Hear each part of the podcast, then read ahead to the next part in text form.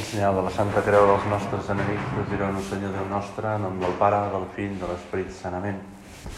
Senyor meu i Déu meu, crec fermament que sou aquí, que em veieu, que m'escolteu. Us adoro amb profunda reverència, us demano perdó dels meus pecats i gràcia per fer en fruit aquesta estona d'oració. Mare meva Immaculada, Sant Josep, Pare i Senyor meu, àngel de la meva guarda, intercediu per mi.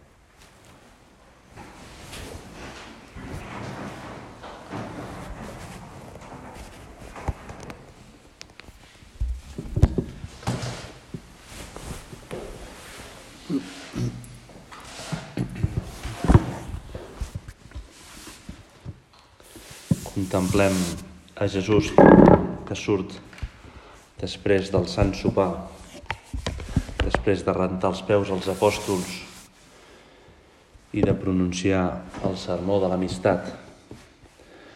Es fa de nit, hi ha una lluna plena maquíssima i Jesús surt caminant de Jerusalem per la porta oriental que du a l'hort de les Oliveres. Baixa al torrent de Cedron i després puja cap un turonet que mira a Jerusalem des d'una mateixa alçada.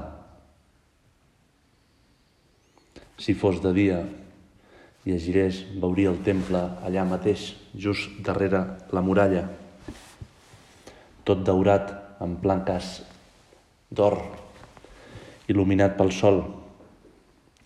I per això la porta aquesta oriental es deia la porta daurada. Era la més propera al temple. Allí, en aquest turonet, just davant de Jerusalem, hi ha l'hort de les oliveres.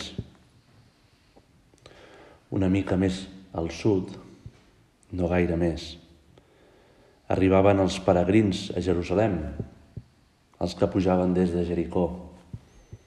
Allí s'aturaven contemplant el temple, contemplant el lloc de la presència de Déu.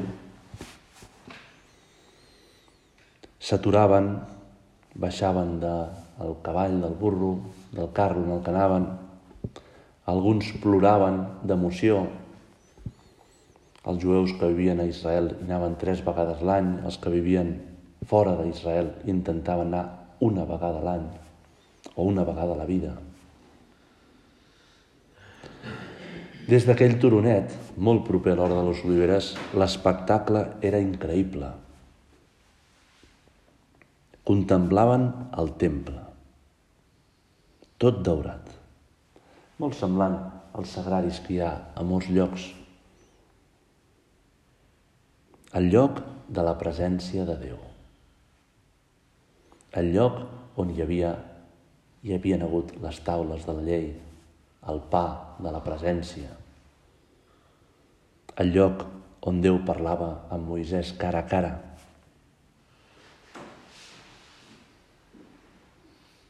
Els peregrins s'aturaven allà i resaven les darreres oracions del peregrinatge, contemplant l'esplendor de Jerusalem. Quina alegria quan em van dir anem a la casa del Senyor. Ja estan trepitjant els nostres peus al teu llindar, Jerusalem. Jesús va fer això mateix que feien tots els peregrins cinc dies abans. Quan va arribar a Jerusalem, allà es va aturar, allà va resar, allà va enviar a Pere a buscar un burret per entrar a Jerusalem. Van entrar entre cants, salms, plors, emoció, una entrada solemne, gloriosa, en rams d'olivera i palmes. Però ja han passat cinc dies i s'ha fet de nit. S'ha fet de nit, físicament s'ha fet de nit a la realitat. Hi ha silenci entre els apòstols. Capten l'atenció del moment, la serietat quan caminaven amb Jesús molts cops reien, xerraven, explicaven coses i ara hi ha silenci. El silenci, com el nostre en aquesta estona d'oració, en aquest silenci ressonen en el seu cor les paraules de Jesús que resumeixen els esdeveniments de la nit. Aquest és el meu manament, que us estimeu els uns als altres tal com jo us he estimat. Ningú no té un amor més gran que el qui dona la vida pels seus amics. Vosaltres sou els meus amics si feu el que jo us mano. Aquestes paraules apareixeran escrites a partir d'aleshores com el manament nou. El resum de l'amor de Jesús després de rentar els peus als apòstols. Segur que en aquell moment Jesús, els apòstols pensaven jo estic estimant els altres com tu, Jesús, m'estimes. També nosaltres ho podem pensar, perquè també l'escoltem dels llavis de Jesús. Ningú no té una vida més gran, més, un amor més gran que el qui dona la vida pels amics. Haig d'aconseguir donar la vida, estimar fins a buidar-me de mi mateix.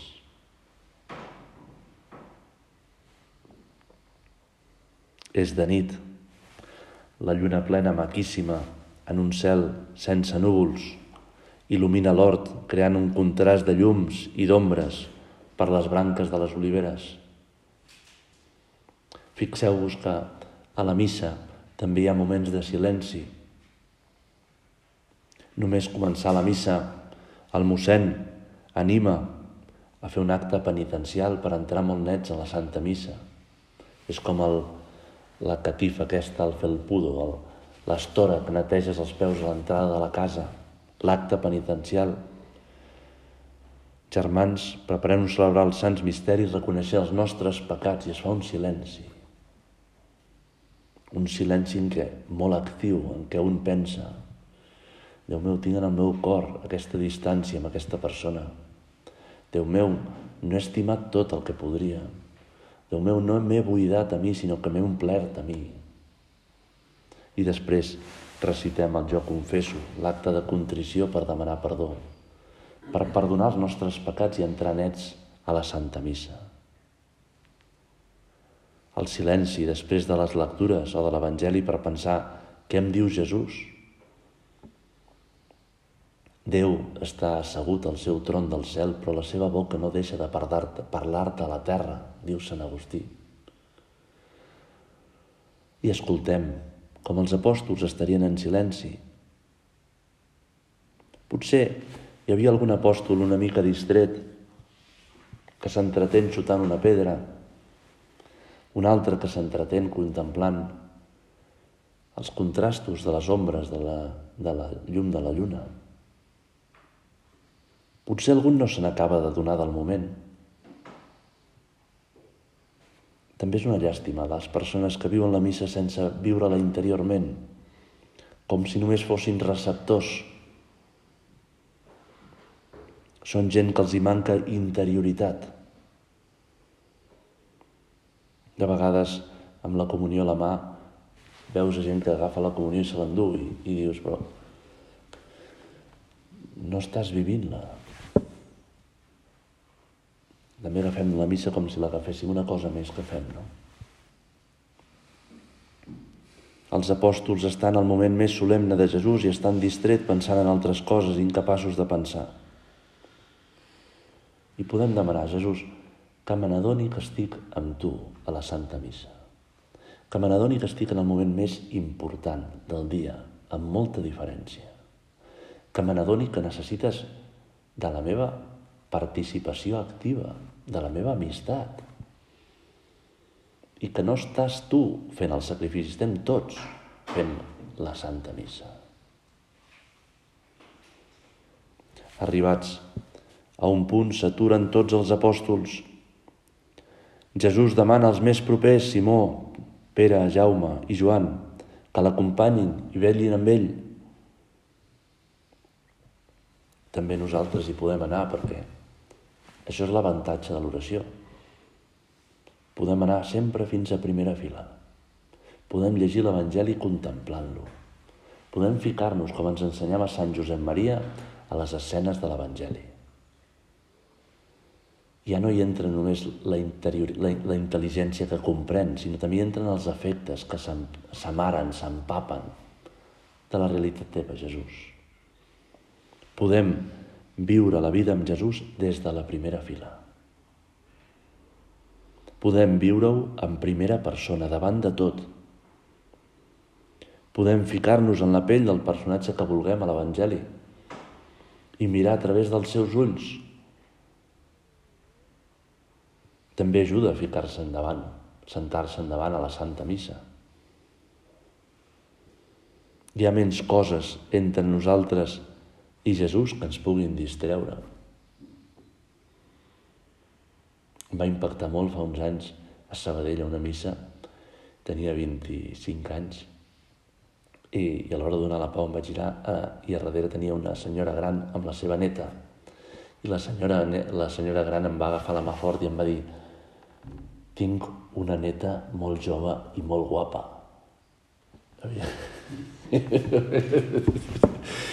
es queda parat. I aquesta senyora havia vingut aquí a buscar un bon partido per la seva, per la seva neta, no? Ajuda a sentar-se més endavant, perquè estem més a prop de Jesús. Ajuda perquè hi ha menys elements entre nosaltres i Jesús, menys vestits colorits, menys, menys gent que es moca, menys gent que crida, menys gent que... menys nens que ploren,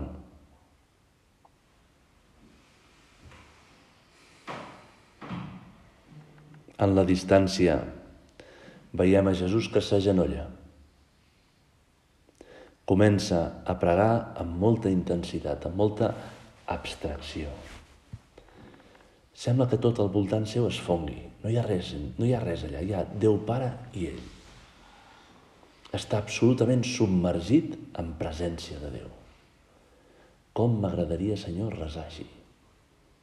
Com m'agradaria, Jesús, viure la missa així perquè la missa és això, és un diàleg entre Déu Fill i Déu Pare, eh? I nosaltres estem insertats en Déu Fill. Com m'agradaria a mi viure la missa així. Jesús, sol i trist, sofria i amarava la terra amb la seva sang.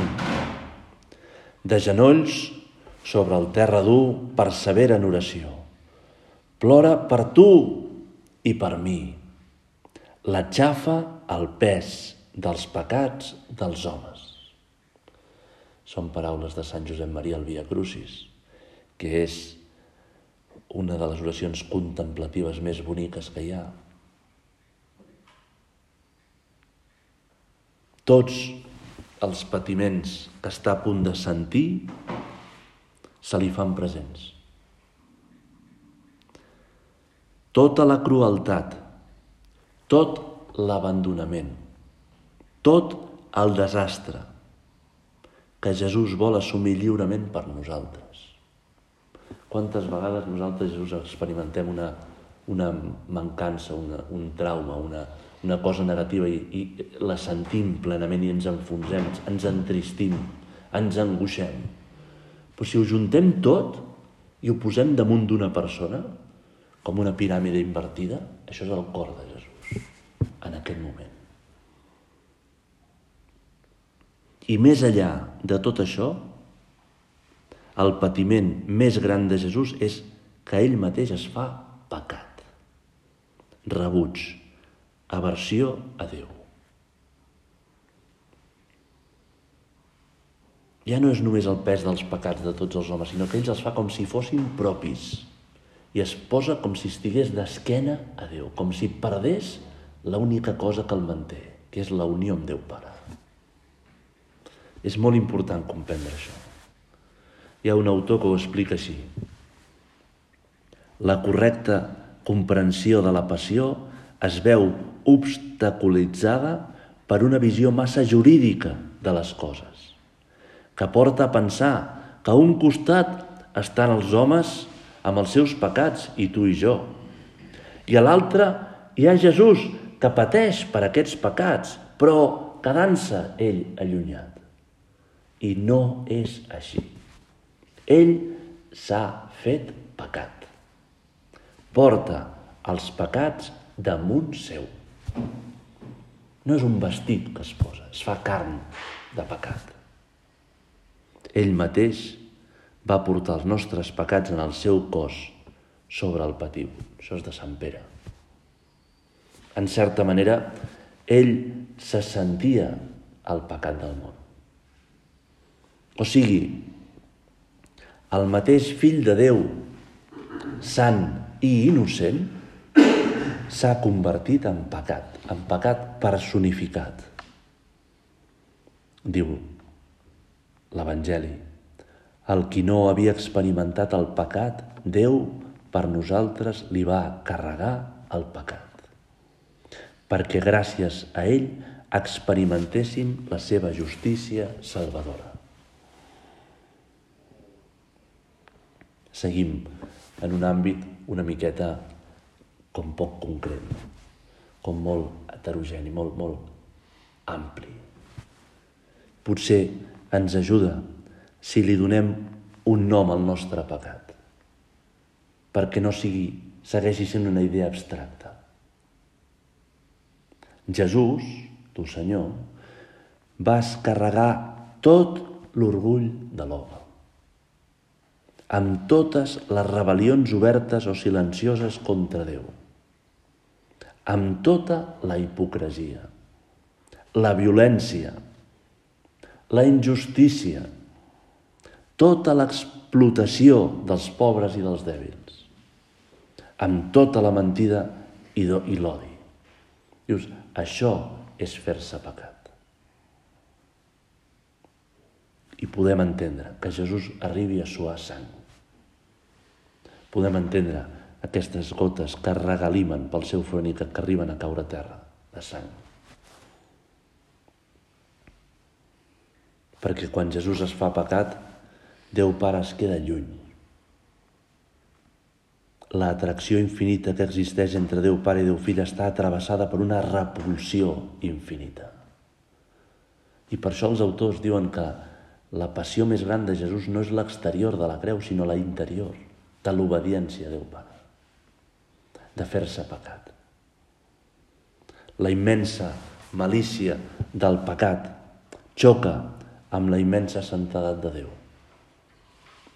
I Jesús sua sang. S'aixeca, s'acosta als apòstols, s'acosta a nosaltres avui i ens diu em moro de tristesa. Quedeu-vos aquí batllant. Quedeu-vos aquí batllant. Això és la nostra vida, Jesús, batllar. No adormir-nos. No diluir el missatge cristià. No viure les normes complint les normes i ja està.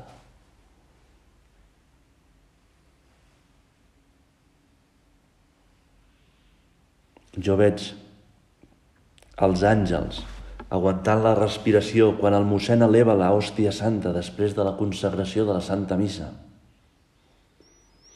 Allí hi ha un silenci molt actiu i el mossèn sosté la hòstia santa aixecada. Els àngels diuen actes d'adoració. Sempre es pinten àngels als sagraris i a l'altar. Està ple d'àngels que adoren a Jesús perquè se n'adonen de la seva majestat i se n'adonen de la, de la immensitat de l'acte d'amor que és la Santa Missa. I molts cors dels homes aprofiten aquell moment per dir-li a Jesús t'adoro Jesús, t'estimo.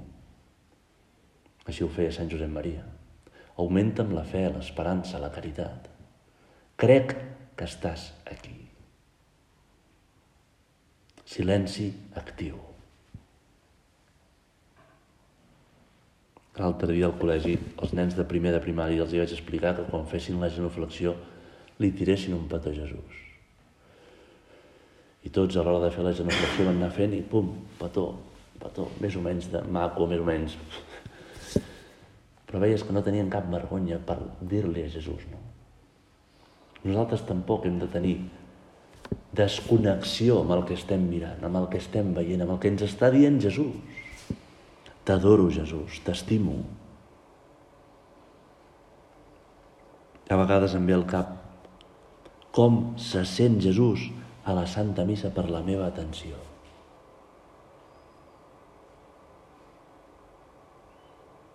Igual que s'acosta als apòstols i diu em moro de tristesa, vetlleu per mi. I potser els veu adormits i se sent una miqueta defraudat, perquè dius, amb el que us estimo, amb el que m'estimeu, no sou capaços d'estar atents. No sou capaços de vetllar una mica. Com se sent Jesús amb la meva missa? Amb la meva interioritat a la missa, amb la meva acti activitat interior durant la missa.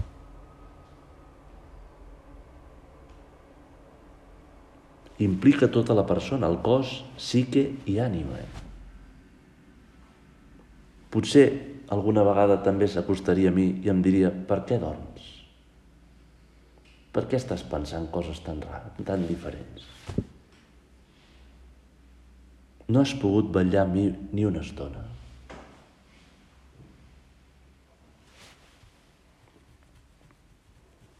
I Jesús pateix tremendament física i psicològicament. La seva ànima és traspassada per un dolor atroç. Un autor diu, l'ànima de la passió és la passió de l'ànima. L'essència de la passió és que pateix en l'ànima, el fer-se pecat. Si ja el dolor físic de Jesús ens commou fins a l'extrem. Que mirem la creu, la creu ens impacta, ens impressiona.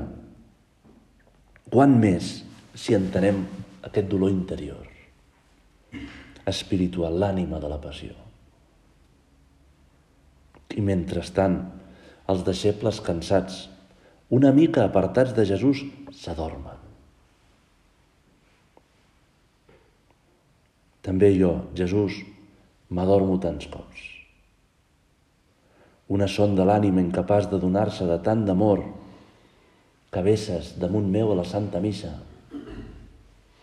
i a tot arreu, cada instant de la vida. No acabem d'estar desperts a vegades amb una lluita decidida per viure la vida de cristians del tot, la missa del tot, i dormim. Així defineixen molts autors espirituals la taviesa. Diuen una dificultat, una somnolència per les coses de Déu. Mentre tenim una rapidesa, una promptitud per les coses que afalaguen el propi jo. I veus a gent apassionada amb anar a un partit de futbol, veus gent apassionada amb un concert, i veus gent apassionada per...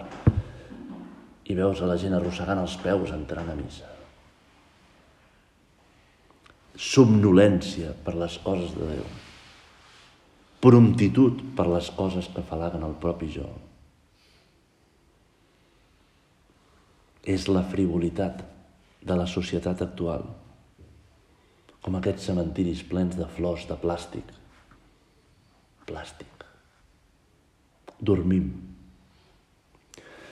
I Jesús s'aixeca, s'acosta als apòstols, t'acostes a mi, Jesús, i ens despertes. El teu rostre ens fa comprendre una mica el sofriment que pateixes. Pere, Jaume i Joan queden espantats contemplant el, el, el patiment de Jesús. I nosaltres també, i per això li demanem, ajuda'm Jesús a descobrir més la, la manca d'esforç, la manca de compromís, de lluita per la meva vida cristiana d'amor a tu. Fes-me més conscient del teu dolor quan jo no t'ajudo. Que descobreixi Jesús més profundament les arrels de taviesa de la meva vida.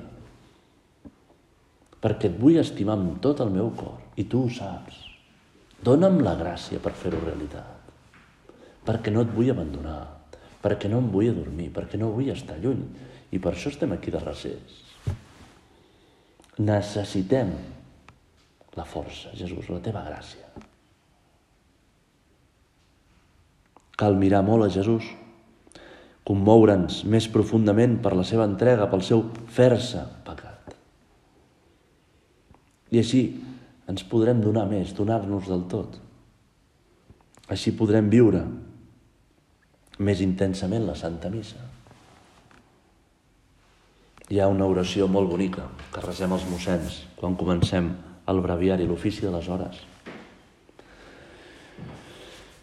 És una oració que resa els que volen. És una oració que resava antigament en llatí. L'he traduïda. Diu així. Obre els meus llavis, Senyor, perquè et pugui beneir. Neteja el meu cor de tots els pensaments banals, perversos o aliens. Il·lumina la meva intel·ligència. Encén els meus efectes perquè pugui recitar aquest ofici dignament, atentament i devotament. És com una oració molt maca també per la missa, no? Encén la meva intel·ligència, eh, encén els meus efectes, il·lumina la meva intel·ligència, perquè pugui viure bé la, la Santa Missa. De fet, hi ha gent que per aconseguir un recolliment que els ajudi a viure bé la Santa Missa arriben sempre uns minuts abans, dos, tres minuts abans, per estar allà preparant-se perquè comenci la missa. No? Per asserenar els pensaments, per asserenar el cor, per disposar-se per a viure bé la Santa Missa. No? Nosaltres ara li diem a Jesús que intentarem estar atents, que viurem els silencis de la Santa Missa activament, en profunditat, que no ens adormirem ni a la missa ni a la nostra vida de cristians compromesos. Sempre tenim a la Mare de Déu, Mare Nostra, que ajuda, que ens ajudi a fer realitat aquests desitjos profuns del nostre cor, que ens aconsegueixi la gràcia de Déu per transformar-nos, per canviar-nos, per purificar-nos.